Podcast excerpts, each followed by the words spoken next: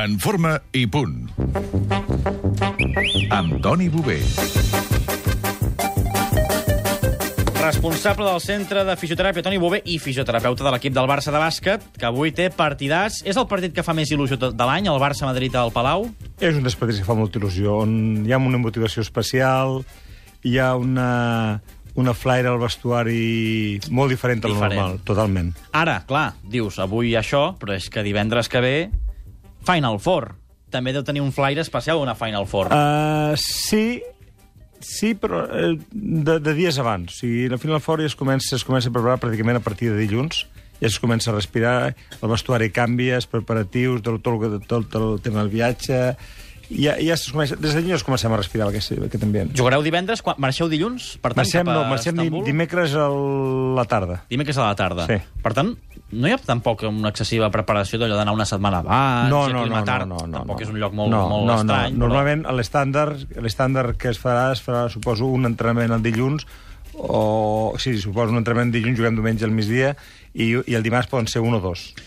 Heu fet un treball per arribar a aquestes dates, allò, al moment gairebé òptim o òptim de la temporada? Sí, això és el, el, tant el Xavi Pasqual com el Caparrós han estat, el Toni Caparrós, el físic, han estat eh, fent aquests microcicles que fan ells, tota la història, per arribar a les millors condicions. Per tant, tu veus que l'equip arriba... Està bé. Allò, Està Macià, bé. com ho veus Home, tu? pensa que fa dos mesos que no perden. Deu perdre dos partits seguits a la Lliga Sí. CB. Eh, i l'últim Que, va, que ens hem posat el totes les mans al Canària. cap, hem dit, ai, ai, ai, aquest Barça de bàsquet. Aquest mes passat hem, hem jugat sis partits, no n'hem perdut cap, i ahir estàvem fent un recompte. A dia d'avui portem jugats 60, no sé, 60 o 61 partits ja. 61. Imagina't. Tela, eh? Sí, tu, Toni, has estat a totes les Final Fours del Barça. Sí, senyor, a 12 més una, 12 més un, que és la final de la Copa d'Europa que es va fer a Ginebra. Quina tens millor record? Home, jo tinc molt bon record perquè va ser la primera aquesta de Ginebra, que no era Final Four encara, que era Copa d'Europa, perquè, clar, era un pipiolo, anàvem al Barça, estàvem en un hotel espectacular, perdem, perdem d'una forma fatal, amb un base que es deia Larry White, que ens vam aixecar del, banc, del Banco de Roma, i, clar, quan surt del pavelló, els jugadors queden molt fotuts, molt fotuts, plorant inclusiu, pel sentiment, surts del pavelló i veus a tots els aficionats allà, amb els autobusos preparats, que han de tornar cap a casa amb autobús. Oh. Això, això és, és dur, eh? I això és el millor record? El, aquest és el pitjor record. Ah. Millor perquè, perquè era Per la la, primera, novetat. no? Era una cosa, una novetat. Escolta, sortir al camp i veure per primera vegada tot el pavelló amb les senyeres catalanes i tota la història impacte, cantant, no? és pell de gallina. Però la de Barcelona també devia ser especial, no? El 2003. Sí. Barcelona va ser, estava a casa, eh, la que vam guanyar a París, em penso que va ser, també va ser especial. El 2010. La que vam perdre a Saragossa va ser molt especial perquè eh, la, la jugoplàstica d'Esplit eh, a la mitja part estava nosaltres per davant i a la mitja part el, el Perasovic tira un tiro al mig camp i la va fotre i van dir, hosti, això és la sort dels guanyadors. I la de Montero? La recordes? Aquella, aquella va ser... Jo vaig... Eh, mira, vaig, em va saber molt no, no guanyar aquella final perquè els grecs, que els entrenava el Bossa Malkovic, El 96. faltant 3 minuts per acabar el partit, 3 minuts per acabar el partit, ja eh, animaven la gent i anaven baixant eh, a, A la banqueta, a celebrar-ho. I això deu fer molta ràbia, no? Fa molta ràbia. I, i veure que tothom ja, ja, ja ho donaven tot per guanyat, i tal com vam anar remuntant i tota la història, i després amb la, amb la cistella final, que evidentment la FIBA al final va reconèixer que, que es van equivocar, El Barça guanyador moral, que dius... sí, no serveix per res. Gràcies, eh? No serveix per res. Tenim les consultes pel Toni, perquè a a banda de records tenim consultes Moltes. oients que tenen problemes. I Vinga. tenen... Seguim amb el Toni Bové, que els oients eh, cada dia tenen més ganes de fer-li preguntes de qualsevol tipus. Recordeu que ho podeu fer a través del correu electrònic. que és punt arroba catradio.cat. Ens els podeu anar enviant durant la setmana, punt arroba catradio.cat, com ha fet la Mariona de Mataró, per exemple.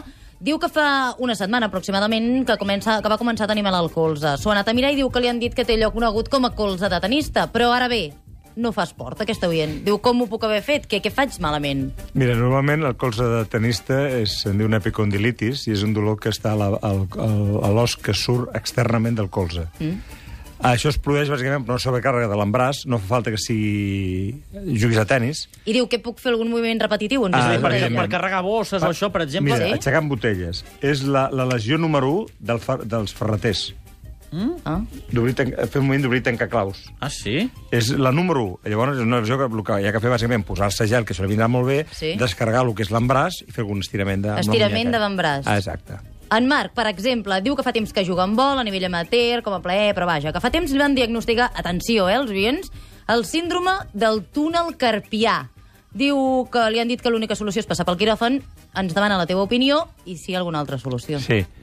D'entrada, el túnel carpià està situat a lo que és la part de la, del canell, Sí. la part interna del canell, on on s'uneixen les dues masses musculars que hi ha, al mig de tot. És a dir, quan tanques el puny, aquest, aquesta exacte. creueta que et queda exacte. tocant el canell. I això és un, és un atrapament del- del- d'un nervi. Eh? Llavors, què s'ha de fer aquí?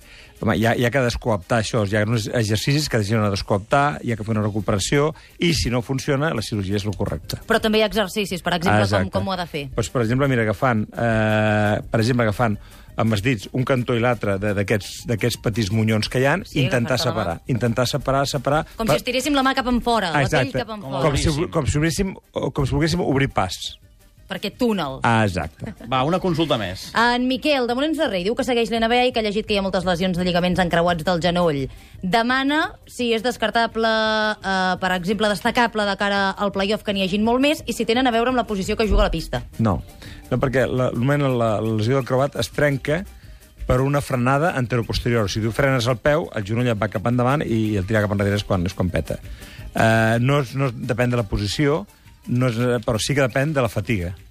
Sigui, a més cansanci, més risc de poder-ho tindre. O sigui, no de la lesió, sinó del cansament. Ah, exacte.